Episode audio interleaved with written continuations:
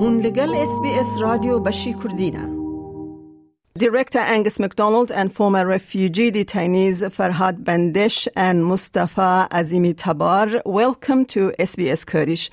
Angus, I guess I'll start with you first. What inspired you to make the documentary Freedom is Beautiful about Farhad and Mostafa?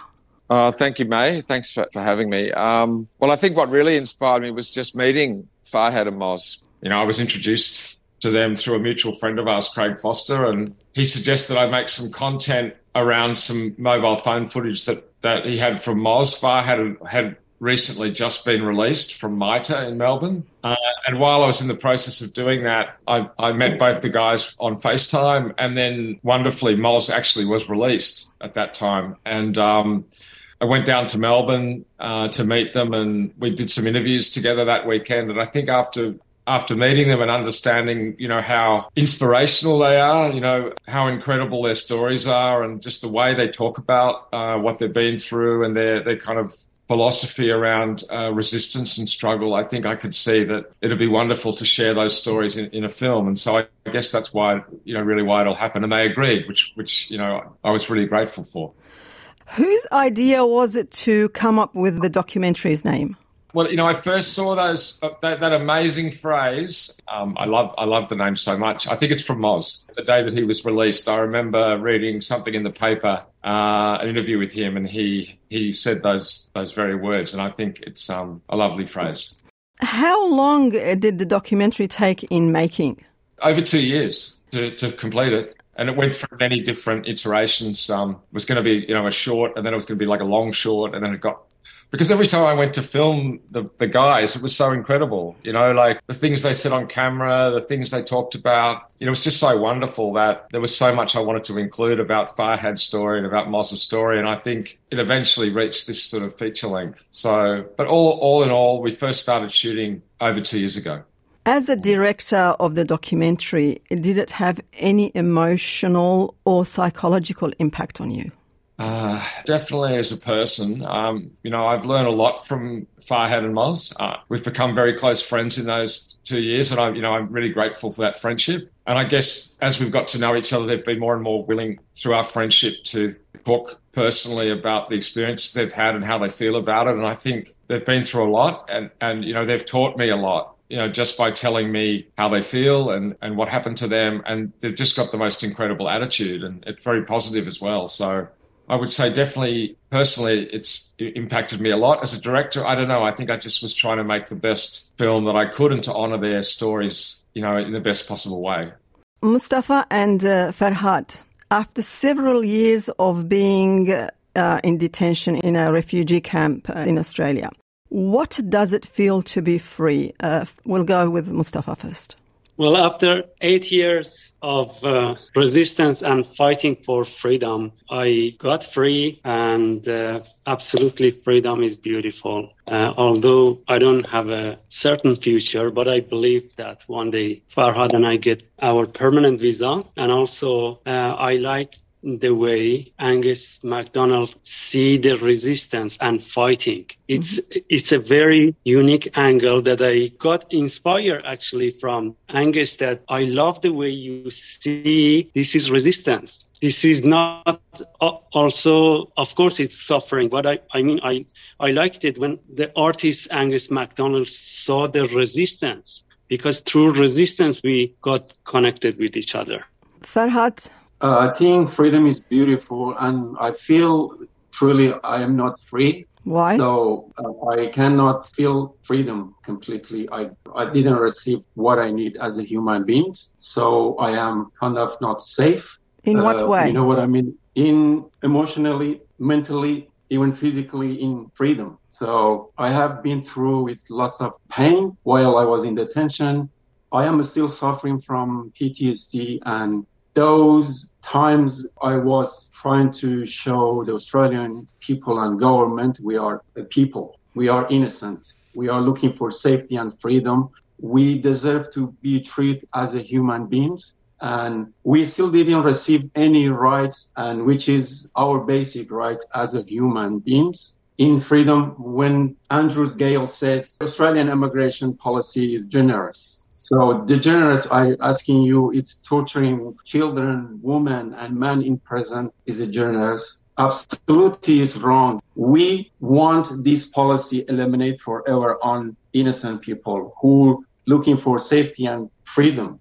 So we are kind of the face of the government. We are fighters. We want the policy be changed forever in Australia.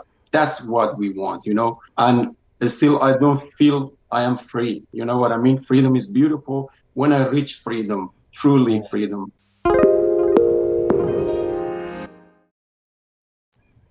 Uh, Farhad, you've just spoken about the Australian people. Now, uh, you are somehow, say, free. You know, as you said, you're not, not completely free, but you are somehow free. You are out of the um, detention centre.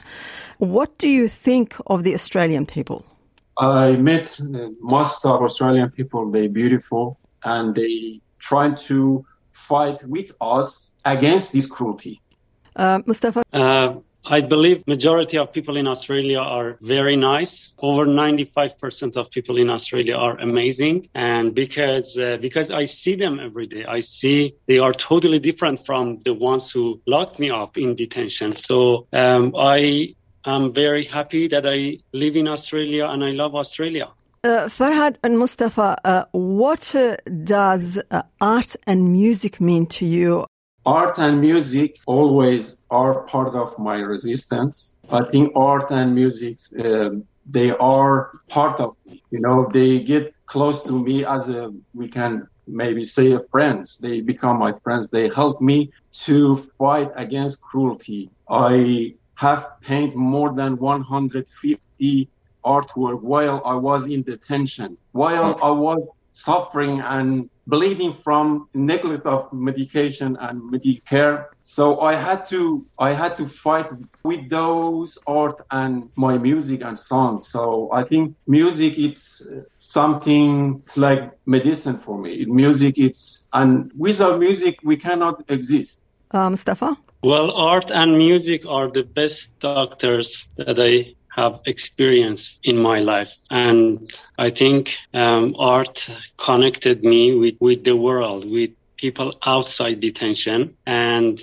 just with a toothbrush, I just managed to become finalist of Archibald, finalist of Sulman Prize this year, and I want to continue. And I think um, absolutely uh, through painting, uh, I can heal a lot of trauma and be more connected with these beautiful people. Because people listen to me and i think uh, when i hear they they listen to me and i get more excited to share uh, stories with them. And uh, i like it actually i like it uh, when i paint and people ask me that do you really paint with toothbrush? And i say yes. I know that it's a sad story but i like it when people smile when people's feedback of people is really with smile that that's cool. It's very cool. And I uh, feel uh, this is exactly what I need to heal the pain.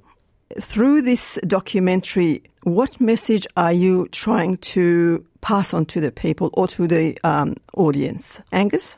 Well, there's a lot of ways I could answer that in terms of who it's for, but I guess one of the things I wanted to do with sharing Moz and Farhad's story in this film is basically use two amazing people that I, that I've been privileged to meet and tell their own human stories. Because one of the reasons the government was able to perpetuate this policy for so many years was that they successfully dehumanized uh, all the people that were sent offshore onto Manus and Nauru. You know, they weren't real people. They were just numbers and they were just this group of people. And what I guess what I'm trying to do with this film, or one of the things I'm trying to do, is to show t- two examples of, of, you know, really wonderful people that were caught up in this to share their personal stories so people can identify and, and, and express some sort of empathy with other people, people that they can identify with. And then through that, maybe be aware about how cruel, how brutal this policy has been on a large scale to so many people that arrived here seeking safety. So, if through Moz and Farhad's story, uh, we can make people aware of just how brutal this policy is, maybe it's going to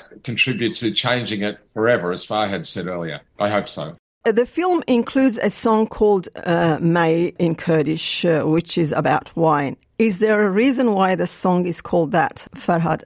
Let me uh, mention some story about this song. Actually, this song is not mine. I cover it. The song is, the singer is Premix, a great friend of mine. So when I listened to this song, I really loved it. And this music took me to somewhere else, took me to the mountain of Kurdistan. And I feel I am kind of in my homeland, but in this present. First, I shared it with my roommate, Kazim Kazimi, and I co- cover it in my version. He liked it. And then we play it for many years. And then one guy from Myanmar also become part of the band and also Moz also played with me a lot. I think we love the song and the song has a meaning for me personally. And I think this song, when I sing it in my version, I feel it's mine. And May in Kurdish means wine. And I love to drink wine and love to make wine because wine, I think, is part of Kurdish culture. And we know that in Rojhelat, uh, Kurdistan, Iran side, we're not allowed to drink or even think about to make it that's really sad. Uh, when I got my freedom, I thought I want to work in this industry to make beautiful wine for Australian people and to share wine with them. Finally, Angus, could you tell us where and when can our listeners uh, see the film, please? Well, Freedom is Beautiful is premiering at the uh, 70, the Sydney Film Festival on June 11 at uh, 4.30 in the afternoon. There's still a few tickets left for the yeah. premiere and, and, I encourage everyone to come and, and see the film and see the stories of uh, Moz and Farhad. It's got a second session at the Sydney Film Festival on the 18th of June at 2.30 in the afternoon at the Dendy Cinema in Newtown. Angus McDonald, Mustafa Azimi Tabar, and uh, Farhad Bandesh. I appreciate the time you've given us and thank you for sharing your stories with SBS Kurdish. Thanks for having us. for having us. لايك بك بارا خب نفسنا اس